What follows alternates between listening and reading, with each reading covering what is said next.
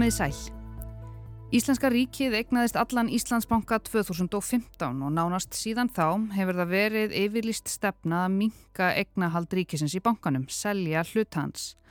Söluferlið hófst í fyrra, þá seldist 35% og voru hlutavarnir þar um 24.000 talsins. Það var opið útbóð. Allir fengu að taka þátt og allt gekk vel. Setna útbóðið sem var lokað var svo haldið í lok mars á þessu ári. Það gekk ekki eins vel. Það fengu alls ekki allir að taka þátt, heldur voru kaupendur valdir og þeim er að sé að gefa inn ríflegur afsláttur. Og nöfnin þau voru mörgum kunn, sérstaklega þeirra sem þekktu til efnahagsfrunnsins 2009. Þetta var mikið af sömu leikmönum. Pappi fjármálar á þeirra keipti líka í bankanum. Það varð eiginlega allt vittlust. Bankarsíslan var kölluð fyrir þingnemd, fjármálar á þeirra líka, stjórnar andstaðan heimtaði óháða rannsók, það var mótmælt á Östruvelli og ríkisendur skoðun tók svo málið í sínar hendur. Skýrslu er þið skilað í júni. Henni var ekki skilað í júni og heldur ekki í ágúst og heldur ekki í oktober. Hún átti að koma núna í vikunni en nú er sagt hún verði ofinber í byrjun næstu viku. Í þætti dagsins ætla ég að gera mína eigin smá skýrslu um þetta söluferli svona rétt til þess að rifja upp atbyrðarásina sem er þó ekki eldri en rúmlega háls á skömmul þó að það virðist kannski vera aðeins lengra síðan. Þetta er gert svo við verðum upplýst þegar skýrslan loks skilar sér. Ég heiti Sunna Valgeðardóttir og salan á Íslandsbanka er helst í dag. Þetta er rúsneska leiðin! Bjarni Benediktsson fjármálaráþra var búin að agitera lengi fyrir sölunni á Íslandsbanka og raunar ríkistjórnin öll. Sumarið 2021 var svo loks farið í almennt útbóð á hlutabrefum í bankanum sem allir gáttu tekið þátt í. Bjarni sagði þá að það getur fengist vel yfir 50 miljardar fyrir hlut ríkisins í bankanum verði rétt haldið á spöðunum. Þarna voru stórir, erlendir fjárfestingarsjóðir þegar búinir að skuldbinda sig til þess að gerast það sem er kallað kjölfestu fjárfestar í bankanum. Kjölfestu fjárfestir er fjárfestir í fyrirtæki, til dæmis banka, sem á fjármagn til þess að eignast ráðandi hlutiði. Að loknum kaupum eignast kjölfestu fjárfestir mjög virkan hluti í fyrirtækjunu og ræður því töluverðu um stjórnum þess. Þetta stendur á Wikipedia. Hugtæki kjölfestu fjárfestir var fyrst notað á Íslandi um árið 1999 þegar umræðar hófust um engavæðingu bankana. Hugtækið hefur þó verið á reiki en það misjamt hvað menn eiga við með kjölfestu í prósentum talið þó flest viti hvað fjárfestir er. Því hefur til dæmis verið haldið fram að kjölfæstu fjárfestir gæti reynst eitrað fyrirbæri og þá átti það við skuggastjórn sem starfar í nafni meiri hluta eignar sem getur stjórnað án þess að veri stjórn fyrirtækis og haft bóðvald sem auðvelt er að misnota. En í þessu fyrra útbóði voru hluthafar 24.000 talsins. Þetta voru erlendir sjóðir og íslenski lífeyrisjóðir sem voru áberandi á listaði við stærstu nýra hluthafa í bankanum daginn eftir að salan hófst. Brefin hækkuðum 20% frá útbóðsgengi. Eftirstandandi hlutur ríkisins í Íslandsbanka var þarna 20 miljörðum verðmættari á nánast einu bretti. En þetta var jú í fyrra. En færum okkur nú fram til þessa árs. Nú í janúar hlaði Bankarsísland til að Íslenska ríki seldi allan hlutsin í Íslandsbanka í nokkrum áfengum. Þarna var búið að senda Bjarnar fjármálar á þeirra tillögu þar sem sagði að Bankarsíslan og Bjarni skildu hafa samráðum söluferlið hversu stóra hluti skuli selja í hverjum áfanga, hvener, hvernig og þarfram eftir göttunum. Þarna í janúar gerði Bankarsíslan ráð fyrir því að sölu heimildin myndi gilda í tvö ár til ársloka 2023. Lagt var til að ríkið seldi annan helmingin af hlut sínum í bankanum á þessu ári og ágangin á næsta ári. Bankarsísland sagði þarna í janúar að útbóðið á rúmum þriðjungi hlutafjári í bankanum í fyrra hafi tekist vel og því líki beint við að selja það sem eftir er af hlutríkisens líka í almennu útbóði. Í almennu útbóði. En svo kom smá babb í bátinn. Bankarsíslan setti söluferlið á stað með tilbóðsfyrirkomulagi á þegar útgefnum hlutum í Íslandsbanka til innlendra og erlendra hæfra fjárfesta þriðju daginn 22. mars 2022. Þetta var gert fyrir hönd Íslenska ríkisins og til sölu var bóðið að minnstakosti 20% útistandandi hlutafjár Íslandsbanka. Þetta jafngildi 400 miljón hlutum með möguleika á að stækka útbóðið og auka við fjölda seldra hluta. Útbóðinu lauk á miðvíkudagsmorninum 23. mars. Verðið var 122 krónur á hlut við lokmarkaða á þriðudeginum. Eftir söluna heldur ríkið á 45% eignar hlut í bankanum og verður þar af leiðandi orðin minni hluta eigandi. Raunar er heimil til að selja einn fleiri hluti í þessu útbóði og er endaleg ákvörðun um útbóðsgengi og fjölda seldra hluta í höndum fjármálar á þeirra. Vantalegir kaupendur eru erlendir og innlendir fagfjárfistar. Saði Magnús Geir Eyjálsson í fréttum fyrir rúmu hálfu ári. Síðan leið nóttin og strax daginn eftir fóru gaggrínisrættir að berast. Þá kom í ljós að ákveðnum fjölda fagfjárfesta var bóðið að taka þátt og fengu þeir þar með innherja upplýsingar tímabundið. Og hlutabrefin voru seld með 5% afslætti sem sumum þótti skrítið vegna þess að það komust færri að en vildu. Markaðslögmálið um frambóð og eftirspurn myrtist því ekki eiga við, að minnstakosti ekki við fyrstu sín. En það fyrist eftir því hvernig á málið er litið, segja þau sem til þekkja. Þarna var að minnstakosti mjög óljóst hvernig þessir fjárfestar voru valdir og sömulegis var ekki skýrt hvers vegna þessi afsláttur var gefin á kaupunum. Sölunni lauk á nokkrum klukkustundum. Íslenska ríkið seldi í gær 22,5% hluti í Íslandsbanka á 52,5 miljard króna til ákveðina fagfjárfesta. Almenningi var ekki búið að taka þátt. Hlutabrifin voru seld með 2,25 miljardar króna afslætti. Miða við fyrstu tölur á mörkuðum í dag gætu fjárfestarnir samanlagt hafa grætt 4 til 5 miljardar króna með kaupunum. Samkvæmt upplýsingum frá bankasíslu ríkisins var veruleg umfram eftirspurn eftir hlutabrjöfunum. Bæði innlendir og erlendir fjárfestar síndu útbúðinu mikinn áhuga. Ekki hefur verið gefið upp hverjir það eru sem fenguð að kaupa. En samkvæmt reglum útbúðsins var ákveðnum fjölda fagfjárfesta bóðið að undirrita trúnaðar yfirlýsingar við upphaf hverjar sölu sem þýðir að þeir byggu þar af leiðandi tímabundið yfir innherja upplýsingum. Hvers vegna var ákveðið að selja undir dagslokagenginu? Já, það er niðurstaða sem að bankasýslan kemst að eftir að hafa sapnað öllum tilbóðunum að, að hérna, tilbóðin eru upp ákveðið magna á ákveðinu gengi og þegar að mann fara þessa tilbóðsleið þá auðvitað, e, eru tilbóðsgjafar með vendingar um að fá eitthvað lagra gengi henn á markaði. Það er bara eðlið þessa fyrirkomlags og ég held að svona tilbóðsleið hafi hverki verið farin þannig að niðurstaðan hafi verið markasverðið eða þaðan af herra. Eigendur á þessum hlut, er þetta yfirgnefandi meiri hluti lífriðsjóður?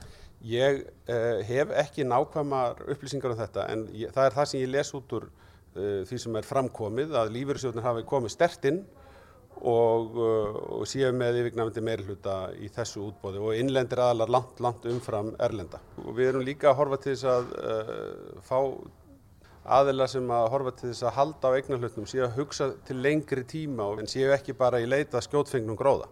Saði Bjarni Benediktsson fjármálar á þara í fréttum daginn eftir útbóðið. Salan var tekinn fyrir á alþingi og fyrirkomulagið var gaggrínt af stjórnarandstöðinni. Hvers vegna var verið að veita afslátt af vöru sem var svo vinsæl að það var ekki til nærið því nóafinni. Hvernig var þetta fólk valið sem átti kaupa? Hver voru það sem voru valin? Og svo framvegis. Sum fullirtu að 30 miljardar hefðu tapast við söluna en fjármálar á þeirra sæði það hundalógík. Salan hefði gengið afar vel, hún hafi verið vel hefnuð, eignarhaldið dreift og gott verð hafi fengist fyrir söluna. Bankarsíslan var þó þögul sem gröfin saðist ekki geta lögum samkvæmt upplýst um hverjir hefðu orðið fyrir valinu og keift hlut í bankanum. En stjórnarandstaðan helt áfram að spyrja og að tveimur vikum liðnum svaraði fórsetisátturann Katrín Jakobsdóttir fyrir spurn Logamás Einarssonar þá formanni samfélkingarinnar að þegar að ríkisegnir á borð við Íslandsbanka eru seldar þá eigi kaupendurnir að liggja fyrir. Eða séu einhver tæknileg atriði sem valdi því að bankasíslan telli sér ekki geta byrt það þá er réttara að gera viðingandi breytingar á lögum svo und sé að upplýsa um kaupendur. Lógi hafi þá sagt að margt hafi verið bóið við söluna, hún hafi borið brátt að, ekkert gagsægi hafi verið við söluferlið og of mikil afsláttur gefin. Svo verðist sem nokkrir mjög litlir aðilar hafi verið handvaldir og bóðið að kaupa með afslætti. Síðan byrtist listin. Fjármálaráðunitið byrtan eftir að hafa óskað eftir honum frá bankasíslunni sem neytaði fyrst að verða við því en létt svo undan eftir ítrekkun frá ráðunitinu. Í ljós kom að 209 fjárfæstar tóku þátt í útbúðinu. Lífeyrissjóðunir voru ábyrjandi eins og Bjarni hafi áður sagt. Gildi, Brú, Lífeyrissjóður starfsmanna ríkisins og Lífeyrissjóður vestlunumanna keftu langstæstu hlutana. Aðrir kaupendur voru undir 4% af heldarsölunni. Og fjölmiðlar fóru að skoða hvaða andlit lægjuð að baki fyrirtækjum á listanum eins og til dæmis Hafsilfur sem reyndist vera í eigu Benedikt Sveinssonar, föður Bjarnar Benediktssonar. Fyrirtækið Steinn, það er í eigu Þorsteins Máns Baldvinssonar, fórstjóra Samherja sem er hér til rannsóknar vegna namibíumálsins. Pálmi Haraldsson, Pálmi Fons á fyrirtækið Solvelli sem kefti í bankanum. Þórður Már Jóhannesson á bæði Brekku Retail og fjárfestingafélagi Brekku. Svo kefti Guðbjörg M. Mattiastóttir eigandi Ísfélagsins í vestmannegjum líka hlutabref og aðrir kollegar hennar í sjávarútvegsbransanum auk Þorsteins Más fengu líka kauptækifæri. Það voru meðal annars þeir Gunnþór Ingvarsson, forstjóri síldarvinnslunar, Jakob Valger Flósasson, stjórnandi útgerðarfélagsins sem ber sama nafn, Þorsteit Kristjánsson, forstjóri Eskju og Eskifyrði, Björgólfur Jóhansson, einn eiganda Gjögurs á Grenivík og fyrirhandi forstjóri Samherja og Guðrún Lárustóttir, eigandi Stálskipa en það voru fleiri þekkt nöfn heldur en pappi Bjarná og útgerðarkongar. Á kaupendalistanum reyndust líka að vera likil stjórnendur úr fjármálakerfinu fyrir hrun eins og til að mynda Leif og Helsa sem er í eigu Jóns Hilmas Karlssonar, sonar Karls Wernerssonar. Það kefti hlutabrið fyrir 225 miljónir og er í 55. sæti yfir stærstu kaupendur í útbóðinu. Styr hefur staðið um það félags síðustu árin, skipta stjóri Þrótabús Karls Vennessonar hefur höfðað riftunarmál og sendt tilkynningar til hér að saksóknara vegna viðskipta á tilfarsluna áður en Karl var lístur gjaldþróta. Bakkavarabræðurnir Ágúst og Líður Guðmundsinnir sem voru stærstu einstöku eigandur kaupþings þegar bankin fjall keiftur sér líka hlut í Íslandsbanka. Stjórnarandstaðan kallaði eftir óháðri rannsóknarnemnd á sölunni, sakaði bankarsýsluna á stjórnvöldum spillingu og sagði ferlið minna óþægilega mikill á engavæðingu bankana fyrir hrun. Bjarni Rúnarsson fréttamaður spurði stjórnarforman bankarsýslunar Lárus Blöndal út í þetta ferli allt saman í byrjun april. Í þessu ferli var litið til þess hvort að þeir væri til rannsóknar eða hefði jafnvel hlutið dóma fyrir fjármála misferli eða efnaðarsbrot? Útgangspunkturinn var að við komum að vera hæfir hæfir fjárfæstar og, og það er umverulega þessi fjármála fyrirtæki sem, a, sem við réðum til verksin sem, a, sem að leggja mat á það hvort að viðkomandi er hæfir eða ekki. Þeir sem eiga meira en 10% eignarhlut í böngunum þurfa að fara í gegnum nálarauga fjármála eftirlitsins til að vera viðurkendir sem slíkir. Þegar við erum að tala um eigandur sem eru undir 10% og ég tala nú ekki um kannski undir 1% að þá er ekki gerðast líka kröfur. Þetta er eigandur en enga síður. Skiptir það enga máli? Já, ég segi sko að þessir eigandur sem að þú vísa til, sem að ég úst, er nú ekki með neina öfni huga, ég segi bara úst, við getum ekki metið vantarlega kaupundur út frá öðru heldur en hvort þeir eru hæfir samkvæmt þeim reglum sem um það gilda. Mitt mat á uh, tillögum rannsóknarnemnd er að þegar útækt ríkisendurskonar liggur fyrir, þá finnst mér eðlilegt að við förum yfir hana og metum þá hvort að ástæði til að ráðast í umfangs meiri rannsókn. Þannig að þú vilt fyrst að, að ríkisendurskoðun ljúki sínu máli áður en að skipu verði sérstök rannsóknum nefndu um allt í fyrst. Það finnst mér eðlilegt, já. Saði fórsættisáþra í vor og vísaði þá til brefs kollega hennar Bjarnar Benediktssonar sem hann hafi sendt til ríkisendurskoðunar fyrir um daginn þar sem hann óskaði eftir því að hún kanni og leggji mata á hvernig tóks til við söluna. Stopnunin samþykti úttektina daginn eftir og ítrekkaði sjálfstæði sitt í málinu. Bjarni hafi áður fullirt að engum hafi verið hleyft sérstaklega að í kaupferlinu og að enginn hefði verið handvalin. Þá sað hann sömu leiðis að hann hefði ekki haft hugmyndum að pappi hans hefði keift hlut í bankanum. Nei, ég sá það nú bara fyrst í gær þegar gögnin bárust frá bankasýslunni að það var hlutafélag eh, hans á uh, listefi þá sem fengu útlutað í, í útbóðinu. Uh, hefður þið vilja að hann hefði sleft þessu? Já, það hefði nú sparað mér einhver óþægindi en, en uh, ég verð nú bara að láta það yfir mig ganga en, en ég sem sagt hafði enga aðkoma að því á nokkru stíi. Saði Bjarni við sítiðis útvarpið.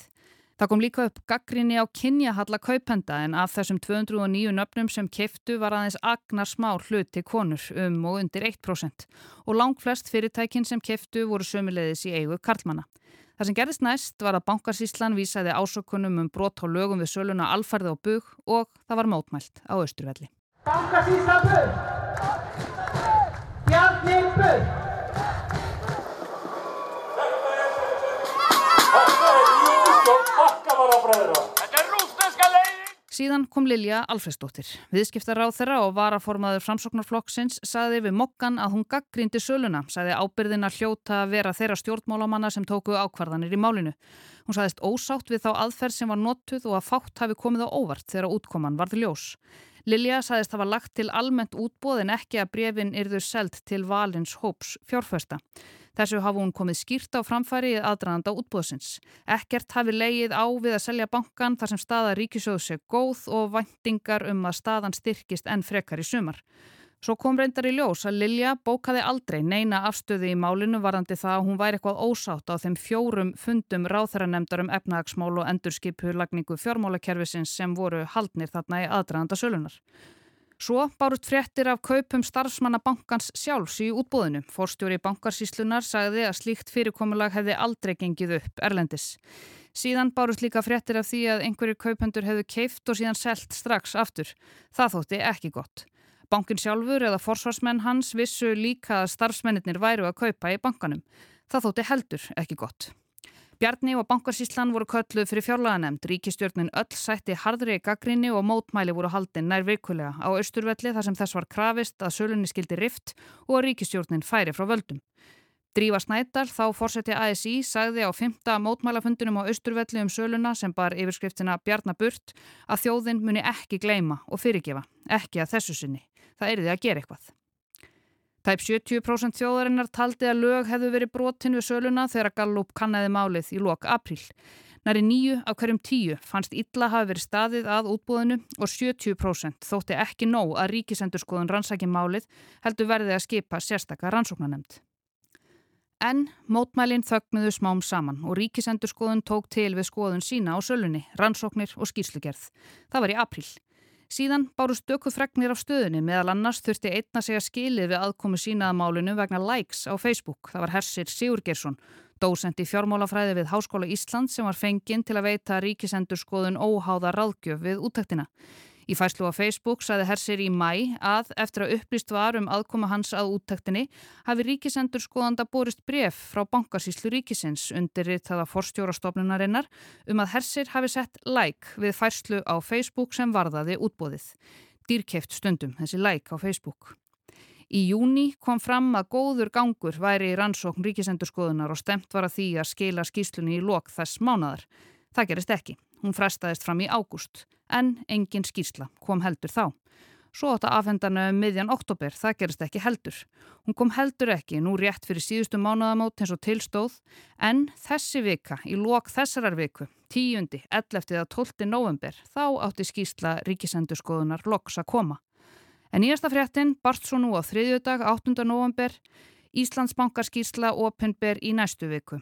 Skísla ríkisendurskoðunar um söluna á hlut ríkisins í Íslandsbanka verður líklega gerð ofinber á mánudaginn kemur en afhent fórseta alþingis fyrir lok þessarar viku. Upphaflega átti skíslan sem sé að vera tilbúin í júni. Og ég læt nú þessari skíslu minni um söluferlið umdelda á hlut ríkisins í Íslandsbanka til hennar útvöldu, lokið og vona að þið séu nú einhverju fróðari þegar og ef skísla ríkisendurskoðunar verður gerð ofinber eftir nokkra daga. Ég heiti Sunna Valgerðardóttir og ég þakk ykkur fyrir að leggja við hlustir og við heyrumst aftur á morgun.